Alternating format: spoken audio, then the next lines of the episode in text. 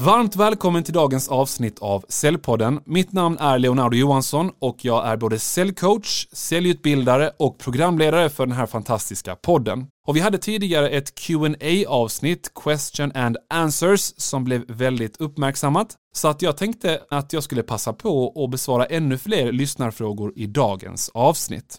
Och vi börjar med en fråga från Aydin Krinovic. Han är grundare av Simple Group och han skriver då att det här med content och personal branding för säljare så att man aldrig behöver ringa några kalla samtal, hur man kan bygga upp sitt personliga varumärke så pass starkt att det regnar in förfrågningar helt enkelt. Och eh, vi har haft ett par gäster som har pratat om det här. Men jag tänkte ändå gå in på mina tankar om det här eftersom jag försöker vara en tankeledare inom sälj på LinkedIn. Och jag har kämpat på LinkedIn i ganska många år, men kämpa menar jag då att jag har lagt ganska mycket tid på att skriva content, ut med content, försöka få till så att det regnar in inkommande förfrågningar. Och det är först nu, fem år in på mitt företagande, som jag märker av att i princip varje gång jag lägger ut ett inlägg så får jag en inkommande eller minst en inkommande förfrågan. Och när jag inte lägger ut inlägg då är det för att jag har alldeles för mycket att göra med mina befintliga kunder.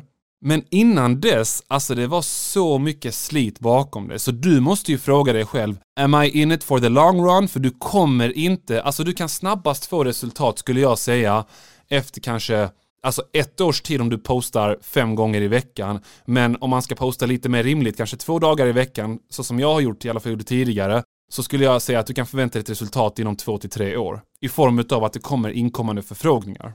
Däremot så ska man inte underskatta att när det har gått ett år och man delar väldigt bra content, hur vet man att det är bra content? Helst har man hjälp till exempel eh, av en tjej som jag hade med i podden eh, som heter Frida Roback. Hon är riktigt bra på att hjälpa folk om hur man ska lägga ut rätt content på LinkedIn. Det finns massa andra duktiga där ute också.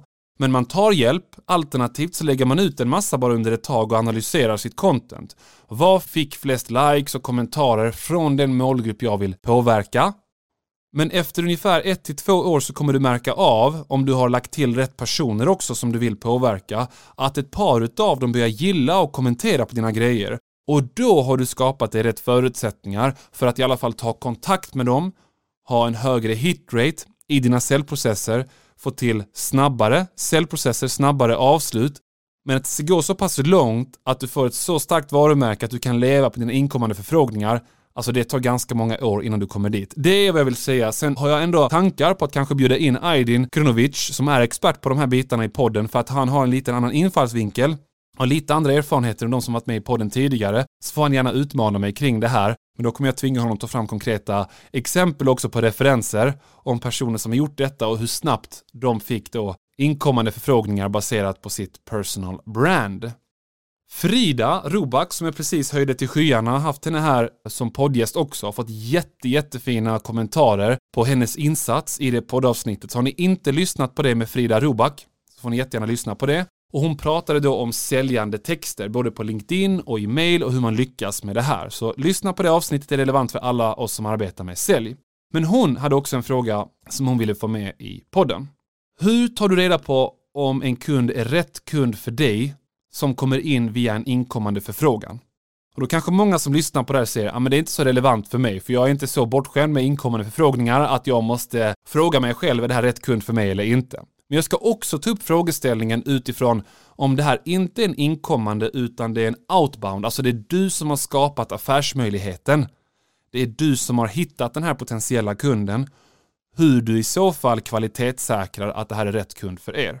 Och det är ett liknande svar egentligen på båda bitar. Men om jag nu ska svara på Fridas första fråga, hur tar man reda på att en kund är rätt kund för dig vid en inkommande förfrågan?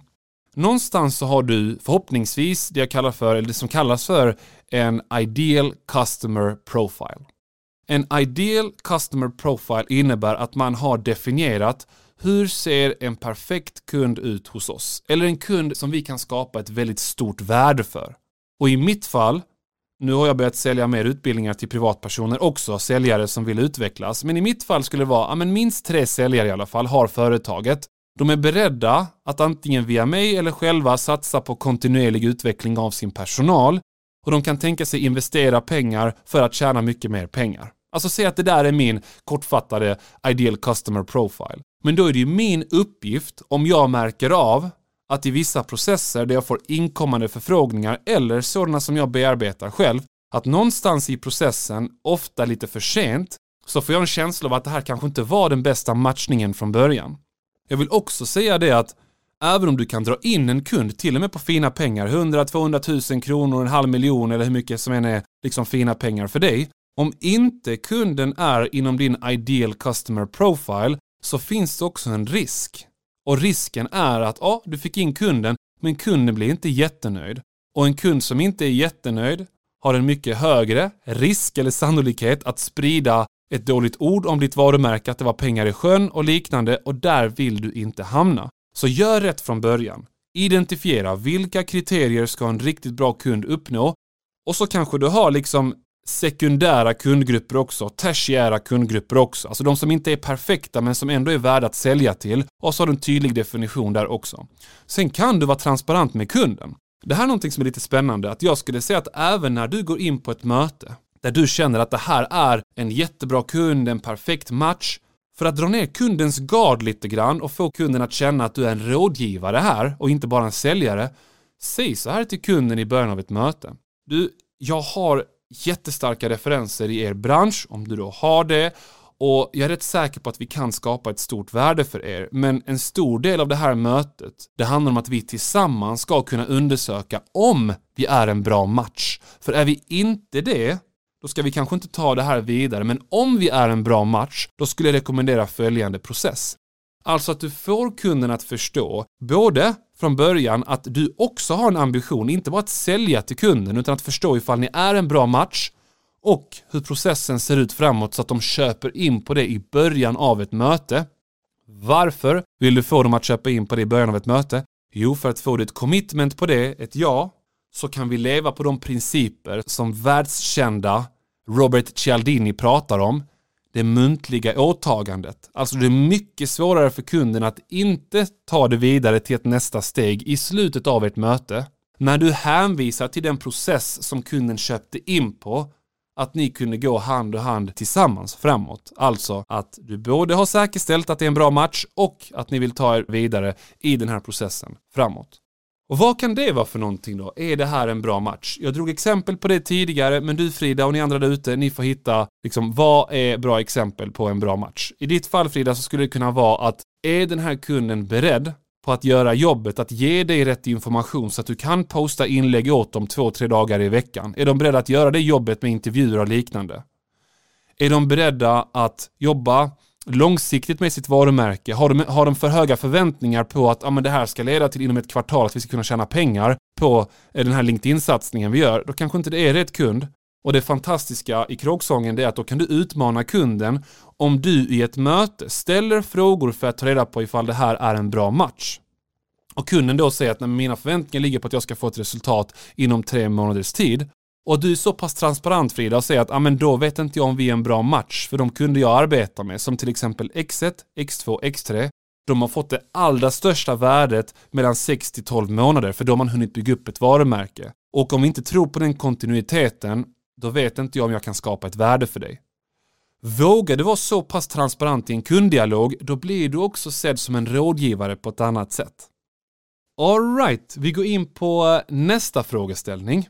Och det är Josef Nilsson, frilansare, Framgångsakademin om just storytelling och mycket i grafiskt format, om jag förstod det rätt här. Storytelling. Så han vill då ha fler tips i podden om just storytelling. Och storytelling är ett av mina hetaste utbildningsområden för företag har börjat förstå vikten av att sluta sälja på fakta och information eller åtminstone sälja på fakta och information som är inbakat i stories där du även kan påverka den emotionella delen av kundens köpbeslut. Våra olika hjärnhalvor och dina inköpares olika hjärnhalvor fungerar på lite olika sätt. Och om du kan påverka båda bitarna, både den emotionella delen och den rationella delen, logiska, då har du mycket högre sannolikhet att sälja till kunden. Och jag brukar dra liknelsen av en gammal säljchef till mig när jag arbetade på Lime Technologies, CRM-företaget, som kom ut på möten och 80% av hans möten det var storytelling. Det innebar inte att han stod och sände i 80% av mötet och bara pratade. Men det innebar att han pratade relativt mycket utifrån referenser. som han hade gjort en kvalificerad gissning om var viktiga för kunden och sen kontinuerligt i själva historieberättandet så sökte han efter delaccepter eller fick kunden att öppna upp sig. Det är mycket lättare att få en kund att öppna upp sig om du bakar in referenser i dina frågeställningar eller stories som referenser och sen ber kunden att öppna upp sig. Så exempel, vet du att den största utmaningen med att inte köpa dina produkter och lösningar idag, alltså just dina produkter och lösningar idag, det är X. Berätta då om en referenskund som hade den här utmaningen X och fråga sen kunden om de kan se att de har liknande utmaningar idag eller vill undvika att stöta på liknande utmaningar framåt. Och så fort ni har fått ett ja av kunden på det, då kan ni be kunden att öppna upp sig vidare kring den här frågan.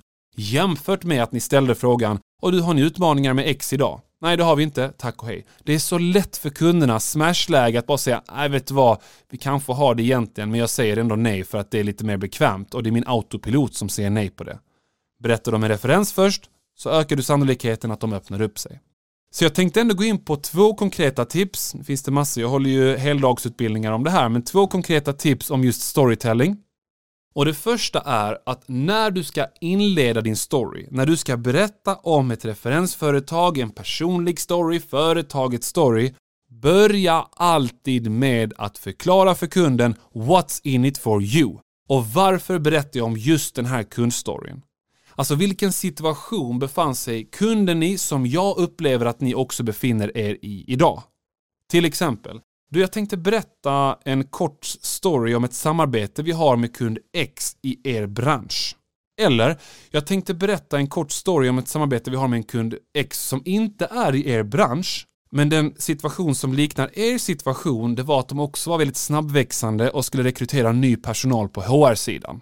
Alltså, inled alltid din story och fånga kundens uppmärksamhet på ett par sekunder genom att berätta om hur liknar den här situationen din situation eller what's in it for you av att lyssna på den här storyn? Det är ett av mina tips inom storytelling. Det andra tipset jag har inom storytelling det är det här, ska vi lägga fokus på smärta eller potential? Och de allra flesta säljare jag stöter på när jag ställer den här frågan rakt upp och ner säger vi potential. Varför ska vi berätta stories som väcker liksom negativa känslor och liknande? Men här vill jag korrigera de flesta där ute. Jag säger inte att det här alltid är fallet, det är inte svart eller vitt, men jag säger att de allra flesta inköpare och människor överlag är riskaverta. Och när en människa är riskavert så innebär det att man fattar beslut baserat på att man vill fly ifrån en risk, fly ifrån ont i magen, fly ifrån en utmaning.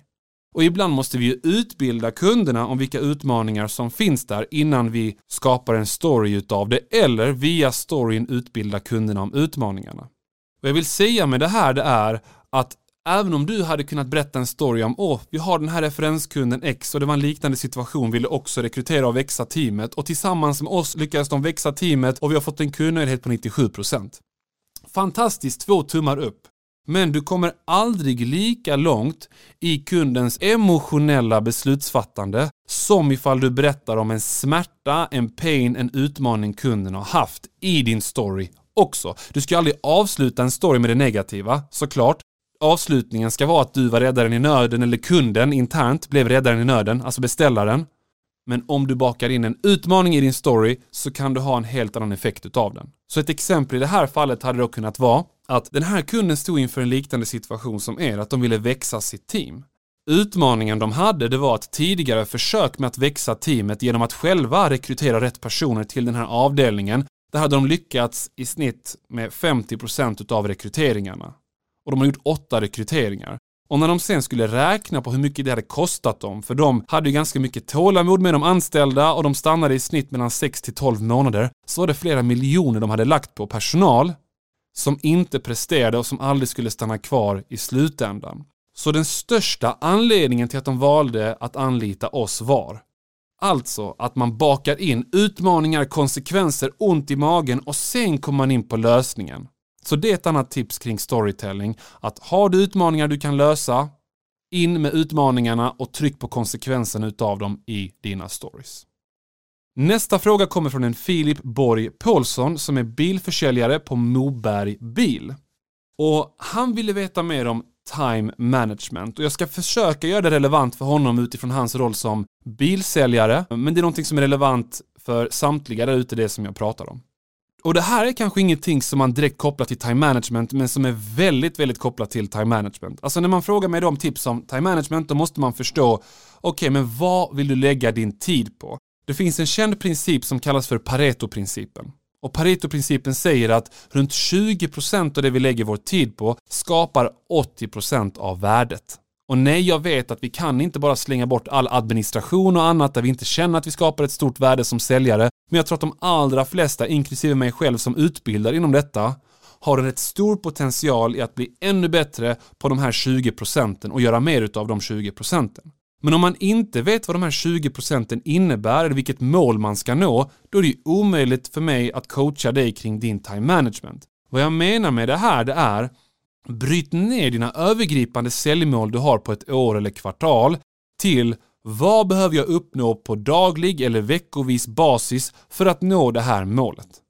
Och vet du då att okej, okay, mitt primära verktyg är kalla samtal eller mitt primära verktyg det är LinkedIn. Eller mitt primära verktyg det är att jag ska kontakta och boka möte med våra befintliga kunder som jag ska utveckla utifrån vem du är och vad du arbetar med för typ av försäljning vad behöver jag då göra på en vecka för att lyckas nå det här målet?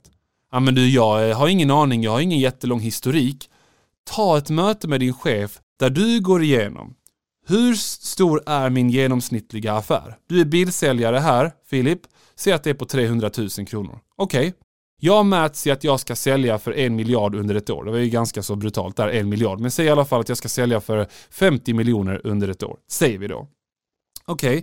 Hur många affärer behöver jag göra? Så här många. Okej, okay. hur stor är min hitrate? Utifrån så många som jag får pitcha de här bilarna för, hur stor är min hitrate? Så att de måste bryta ner det här till åtminstone hur många affärsmöjligheter ska jag skapa? Alltså möjligheter till att pitcha. Vad är min genomsnittsaffär på och vad är min hitrate på? För det är först när du har brutit ner dem som du också kan ta reda på vad behöver jag då göra på veckovis basis för att nå mitt mål.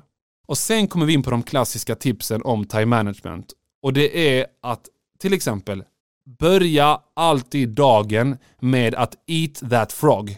Vad innebär eat that frog? Det är ett begrepp som kommer från en känd säljutbildare i USA som heter Brian Tracy. Och det innebär att göra den jobbigaste uppgiften först. Inom bilförsäljningsvärlden så är det väldigt få som sitter och ringer kalla samtal, till exempel. Det är något jag tycker att du ska göra, Filip. Alltså titta på vilka har deltagit på olika event, mässor, vilka har varit inne i showrooms här och vi har fått uppgifter till som aldrig köpte. Stäm av med dem ungefär hur lång tid de tänkte ha sin bil. Alltså skapa grunden till en bra förutsättning i framtiden genom att du samlar in massa information, vissa av dem kanske är heta idag, istället för att bara sitta och vänta på att kunder ska komma in till ditt showroom, till exempel. Så ett av de bästa tipsen inom time management är att liksom aldrig lämna en dag, en arbetsdag utan att veta vad är min groda nästa dag, alltså eat that frog, vad är den viktigaste uppgiften jag ska utföra imorgon och ingenting, om inte det är akuta saker, får störa dig. Och bara för det kom in på ett till tips till dig. Och det är att ett stort misstag många gör inom time management, det är att de börjar dagen med att kika i inkorgen. Varför är det ett stort misstag? Jo, för att då blir du reaktiv istället för proaktiv. Då kan inte du eat the frog, för då har du tre viktiga mail som du anser vara viktiga i den här emotionella stunden på morgonen, som du prioriterar över det som egentligen var det viktigaste, det som var en del av dina 20% som ledde till 80% av ditt resultat. Börja inte dagen med att kika i mailinkorgen och om du gör det, bestäm dig för att det är bara vid de mest akuta händelserna som något av det som händer i inkorgen ska få trumfa och prioriteras över det som jag har planerat för dagen. Härligt Filip, hoppas du fick ett par bra tips här inom time management. Vi har två frågor till i podden innan vi avslutar dagens pass. Den näst sista frågan är från Halim Al-Habali på Traxon AB. Och det är också en liknande fråga som Micke Andersson på Canon Business Center ville höra mer om. Och det var då kalla samtal och framförallt vad som händer efter eller under och efter inledningen. Nu har vi pratat om vad som händer i inledningen, alltså det här med referenspunkter, men jag vill ändå ta upp den här biten med referenser och hur man ska prata om referenser, alltså vad som händer i början av ditt samtal efter att du har nämnt en referenspunkt. Min erfarenhet säger att när du kan nämna två referenser eller tre referenser i början av ditt samtal så ökar det sannolikheten att du direkt får legitimitet att prata vidare med personen. Så efter att de har sagt okej okay, på att du har sagt och det här fick mig att vilja bolla en idé med dig lite kort. Okej? Okay. Jo, det är så att vi arbetar med referenskund X1 och X2 i din bransch. Eller X1 och X2 i ditt område. Eller X1 och X2 som inte nödvändigtvis är i din bransch, men som ofta har liknande ambitioner eller liknande utmaningar med digitaliseringen till exempel. Alltså någon typ av liknelse, helst kopplat till kunder de kan känna igen sig i, i deras bransch till exempel. Och sen nästa steg när vi pratar om att gå in på pitchen så kan du inleda med och anledningen till att de trots att de hade en befintlig leverantör inom detta, valde att träffa oss. Alltså så kan du inleda ifall du vet att du ringer till en målgrupp som oftast har en befintlig leverantör. Det är ofta en invändning du får, så kan du inleda på det sättet. Och är det så att du ringer till en målgrupp som inte brukar ha en konkurrerande leverantör, eller hänvisa till det, så kan du säga något i stil med att jag ringer dig för att vi har kund X1 och X2 i din bransch som några av våra mest nöjda kunder idag. Och anledningen till det, det är att Alltså att du går in på anledningen till det och sen kommer du med ditt bästa pitchargument innan du då går på avslut. Så det var ett par kommentarer kopplat till de kalla samtalen innan vi går in på den sista frågan för dagen. Jag vill säga det också att väcker det här några följdfrågor hos er eller ni har era unika frågor ni vill ställa Skriv direktmeddelanden till mig på LinkedIn. Lägg till mig Leonardo Johansson på LinkedIn och skicka med en fråga. Hej Leo, kan du ta upp den här frågan? För att de här 12 frågorna som jag har fått den senaste veckan på LinkedIn, det är samtliga som har ställt frågor vars frågor jag besvarar i podden. Så känn inte att amen, eh, du kommer få för många frågor utan jag ser till att ha kontinuerliga question and answers pass i podden så att ni kan få svar på era frågor. För det tycker jag bara är superkul och skapar bra content för mig också att förmedla i olika sociala medier. Vi går in på en annan eh, killes kommentar som också varit med i podden som heter Rickard Amidani som är marknadschef på Solar Sverige inom trade-segmentet. Och hans fråga är hur kan man ge befintliga kunder olika incitament till att ge oss referenser? Alltså, hur kan vi via befintliga kunder boka möten med andra potentiella kunder? Och jag kan berätta om ett par erfarenheter här utifrån företag där jag arbetat som säljchef på eller andra företag som jag har fått möjligheten att arbeta med. Ett företag där jag arbetade som säljchef på, då hade vi en kampanj, men vi hade också ganska många kunder, att vi i själva systemet vi sålde kunde få in en banner till och med.